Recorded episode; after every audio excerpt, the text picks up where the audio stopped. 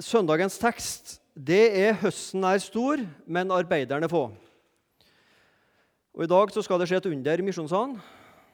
Og Underet er at forsamlingslederen skal preke sannsynligvis under 20 minutter. Det må nesten være et under i seg sjøl, et mirakel. Men uh, vi får starte, og så skal jeg, skal, jeg skal preke litt, og så skal vi be mye i dag. Det bør ikke komme som noen bombe at vi skal be, men vi skal faktisk be sammen. Så la oss nå få starte med å be. Kjære Jesus Kristus. Du er høstens herre. Du kaller arbeidere ut. Du kalte meg ut, ikke bare oss med ansatt. Du kaller hver enkelt kristen ut i vår hverdag. Tilgi meg, Jesus, at jeg misbruker anledninga, at jeg er feig, at jeg tier stille, og at jeg snakker om andre ting når jeg skulle snakke om deg. Men Jesus, Kom ved din ånd og vær i oss og virk i oss, sånn at flere kan bli høsta inn Jesus for ditt rike også gjennom våre liv. Amen.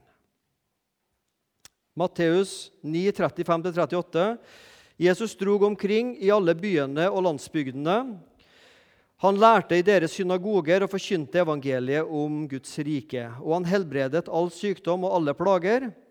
Da han så folket, fikk han inderlig medynk med dem, for de var herjet og forkomne som får uten hyrde. Da sa han til sine disipler, da sa han til sine disipler, høsten er stor, men arbeiderne få. Be derfor høstens herre at han vil drive arbeidere ut til sin høst. Jesus syns inderlig synd på folket. Han har medynk eller medfølelse med folket. Han syns de er forkomne herja, som får uten hyrde, som, som en gjeter, som sauer uten en gjeter. Sinnelag. Å ha et sinnelag, Jesu Kristi sinnelag. Og jeg tenker det at Sinnelaget du og jeg har, det kommer av hva vi ser. Jesus så folket, står det. Han så folket, og så får han medynk med folket. Han ser, og så skapes det noe i synet, går ned i Jesu hjerte. og Der er det bare godhet, der er det ingen egoisme. Og så kommer det medynk med fram til Jesus. Medfølelse. Og ikke bare det, men etter tanken så kommer det handling. Han forkynner, han underviser, han helbreder. Har du hørt dette uttrykket 'det er tanken som teller'? Ikke ofte vi bruker det, men vi sier det av og til. Det er tanken som teller. Det er en av de største løgnene som fins. Tanken teller ingenting. Det er handlingene som teller. Jeg kan synes synd på mennesker så mye jeg vil. Det hjelper ikke mennesket et døyt. Det hender av og til at jeg hører den setningen med tanken som teller. Det er Hvis jeg har vært på butikken og kommer med en rosekvast til 29,90 fra Rema på tilbud, da blir det først stilt til kona, og så kommer det ja, ja, det er tanken som teller. Men det er ikke tanken som teller, det er gjerningene som teller. Ja. Vi kan synes så synd vi vil. Det hjelper ingenting. Jesus kunne synes så mye han vil synd på disse menneskene, men hvis ikke han gjorde noe for dem eller med dem, så hadde de vært der ube. Det har ikke skjedd noe med dem. Refleksreaksjon Det er ikke et ord vi bruker i dagligdags, men ref, reaksjon, refleksen. Hvis jeg klyper meg, eller du klyper meg, så støkker jeg, eller jeg får vondt, og så sier jeg au. Det er refleksen. Og vår refleksreaksjon avslører hva slags sinnelag som bor i oss.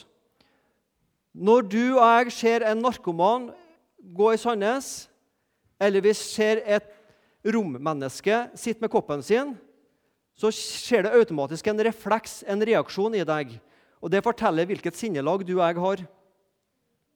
Eller når du og jeg leser i Stavanger Aftenblad om noen kriminelle, eller vi ser på TV-en om flomofrene i, eh, i Gudbrandsdalen, så skjer det en refleksreaksjon. Hva slags refleksreaksjon skjer i ditt hjerte når du ser et rommenneske med tiggerkoppen, eller hører om flomofrene i Østerdalen eller Gudbrandsdalen? Hva tenker du jeg da? Min første refleksreaksjon er jeg er glad ikke det er meg. Det er min første refleksreaksjon. Jeg er glad ikke det er meg. Tenk hvis Jesus tenkte sånn i møte med menneskene. Jeg er glad ikke det er meg. Takk og lov at ikke jeg er som dem. Jesus refleksreaksjon avslører hjertelaget og sinnelaget vårt. Jesus fikk medynk, og ikke bare medynk, han gjorde noe. Hvordan ser vi på mennesker, andre mennesker som et problem? Eller som et middel til å oppnå noe, oppnå noe for oss sjøl? Vi bruker andre mennesker som et middel til å oppnå egne fordeler. Jesus ser på folket som forkomne, hjelpeløse, som sauer uten hyrde. Det, sånn ser Jesus på folket. Og Noen vil jo si at det var jo veldig pessimistisk da, og negativt av Jesus å se på folket som sauer uten hyrder. Og forkomne og hjelpeløse og herja med. Jeg mener, Det virker jo veldig negativt i utgangspunktet. Men hos Jesus er det ikke negativt. Det er realistisk. For Jesus ser mennesker med Guds øyne. Og når Gud ser på oss mennesker, så ser han forkomne, hjelpeløse mennesker som trenger frelse.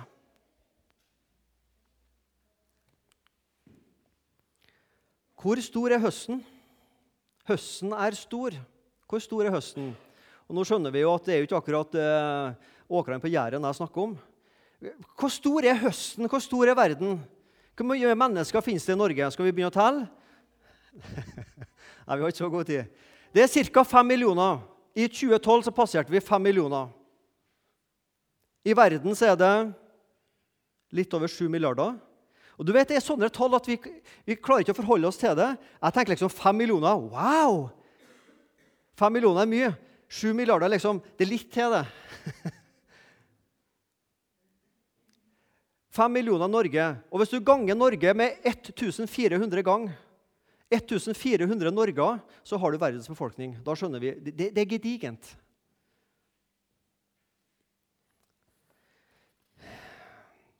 Jeg skal lese litt fra en artikkel jeg fant på nettet om eh, en telling som var gjort over antall kristne i verden.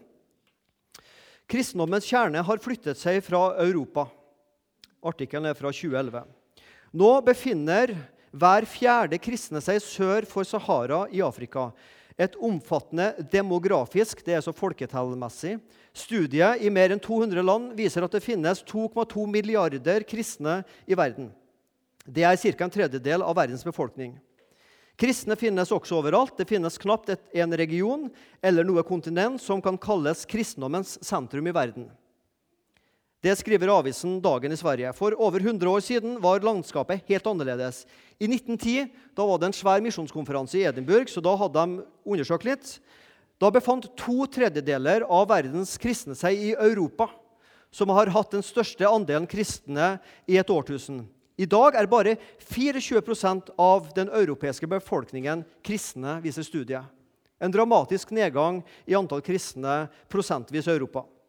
Men Antall kristne har nesten firedoblet seg på 100 år, fra 600 millioner til 2,2 milliarder ca. 100 år etter 1910.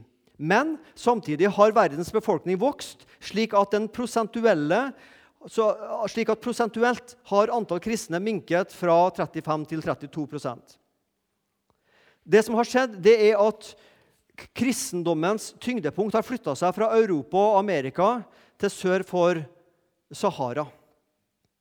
100 år tilbake var en gjennomsnitt kristen det var en amerikansk eller europeisk mann.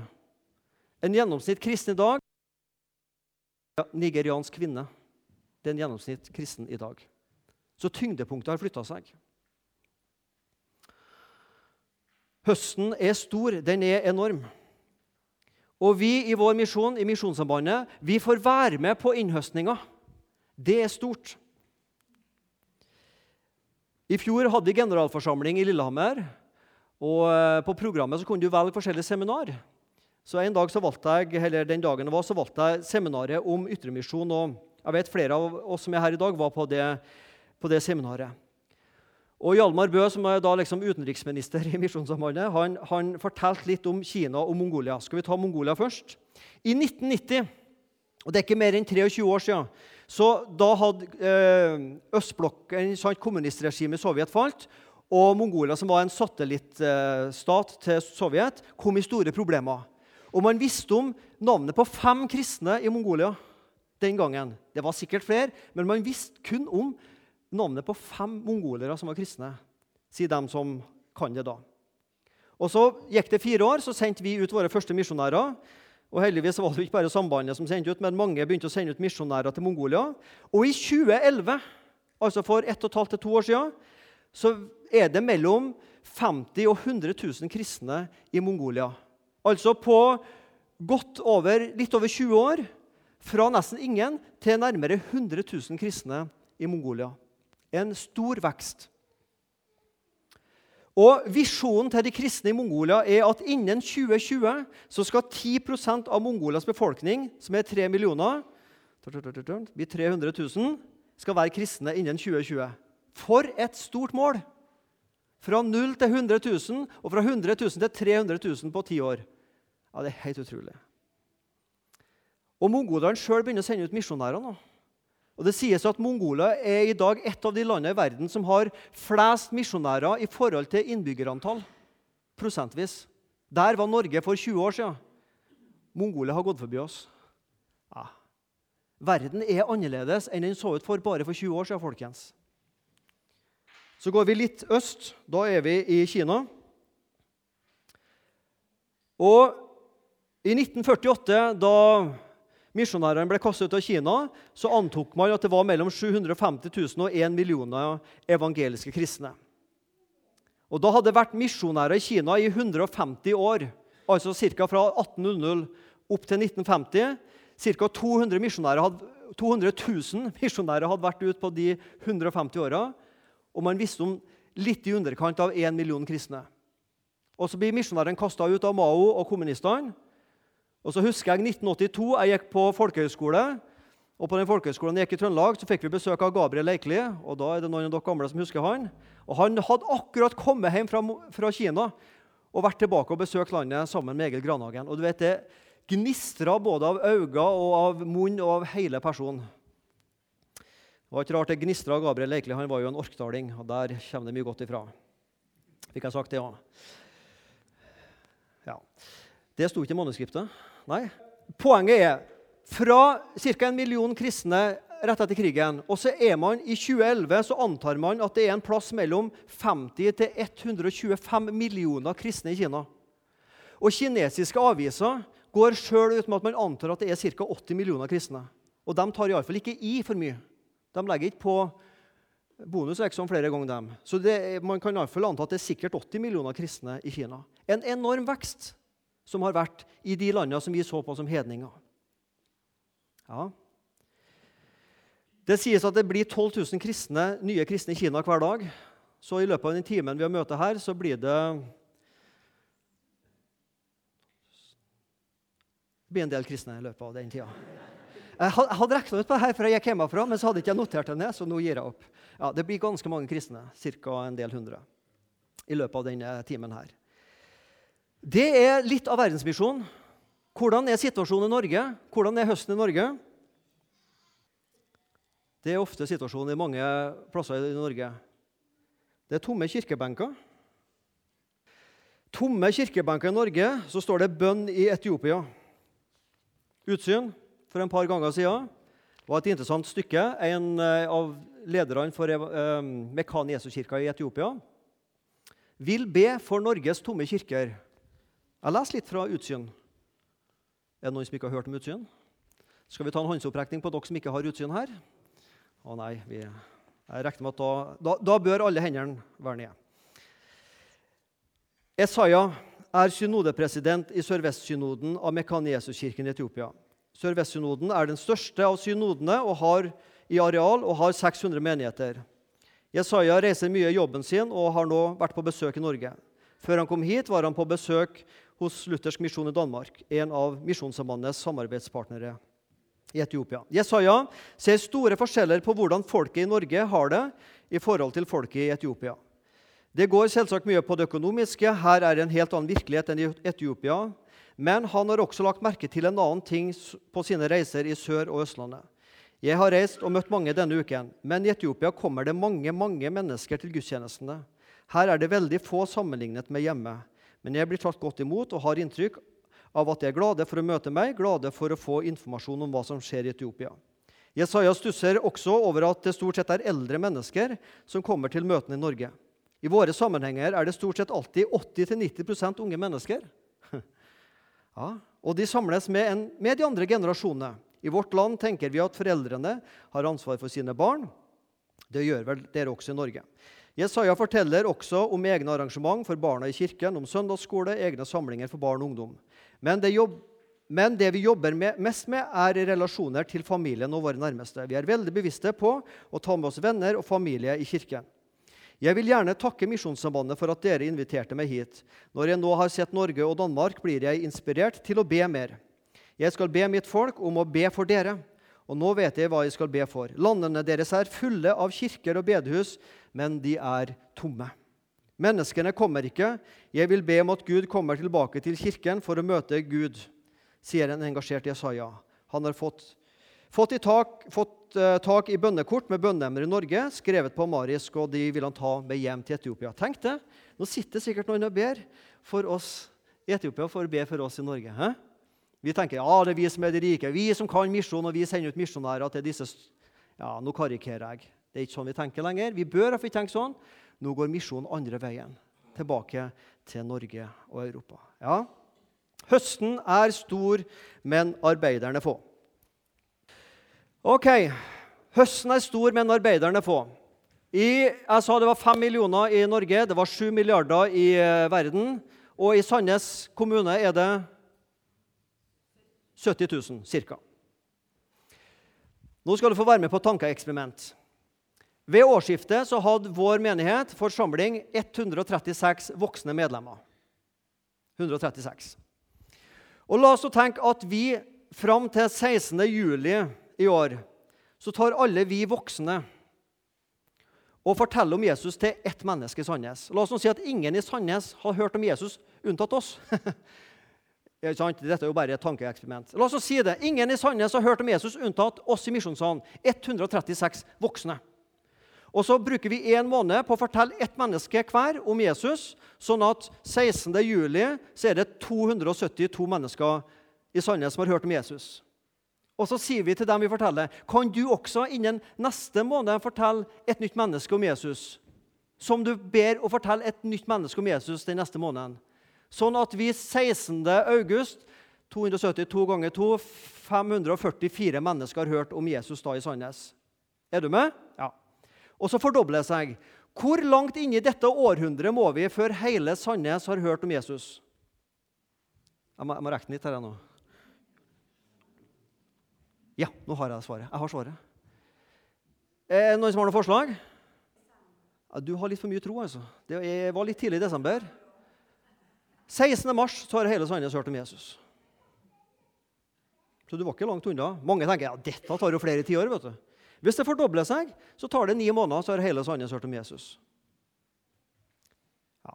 Nå skjønte du selvfølgelig at dette er et tankeeksperiment, men det sier noe om at Høsten er stor, arbeiderne få. Nå må, må, må ikke bare tenke ansatte, nå må vi også tenke frivillige.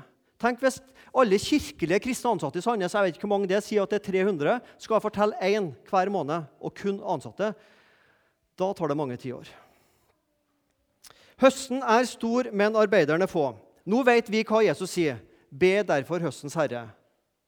Men la oss nå si at vi ikke har visst hva Jesus sagt. Hvis vi bare hadde visst at Jesus sa Høsten er stor, men arbeiderne få. Og så visste vi at Jesus skulle si et eller annet. Men vi vet ikke hva Jesus sa. Hva ville vi ha fylt inn da? Høsten er stor, men arbeiderne er få. Da ville jeg ha fylt inn det nytter ikke. Det nytter ikke. Det nytter ikke. Det er trøndersk. Høsten er stor, men arbeiderne få. Vi kan like godt gi opp før vi har starta. Høsten er stor, men arbeiderne få. Vi får gjøre det vi kan og orke, og så glemmer vi resten. Høsten er stor, men arbeiderne få. Noen må gjøre noe. Eh, noen andre må gjøre noe. Høsten er stor, men arbeiderne er få. Heldig er jeg at noen fortalte om Jesus til meg.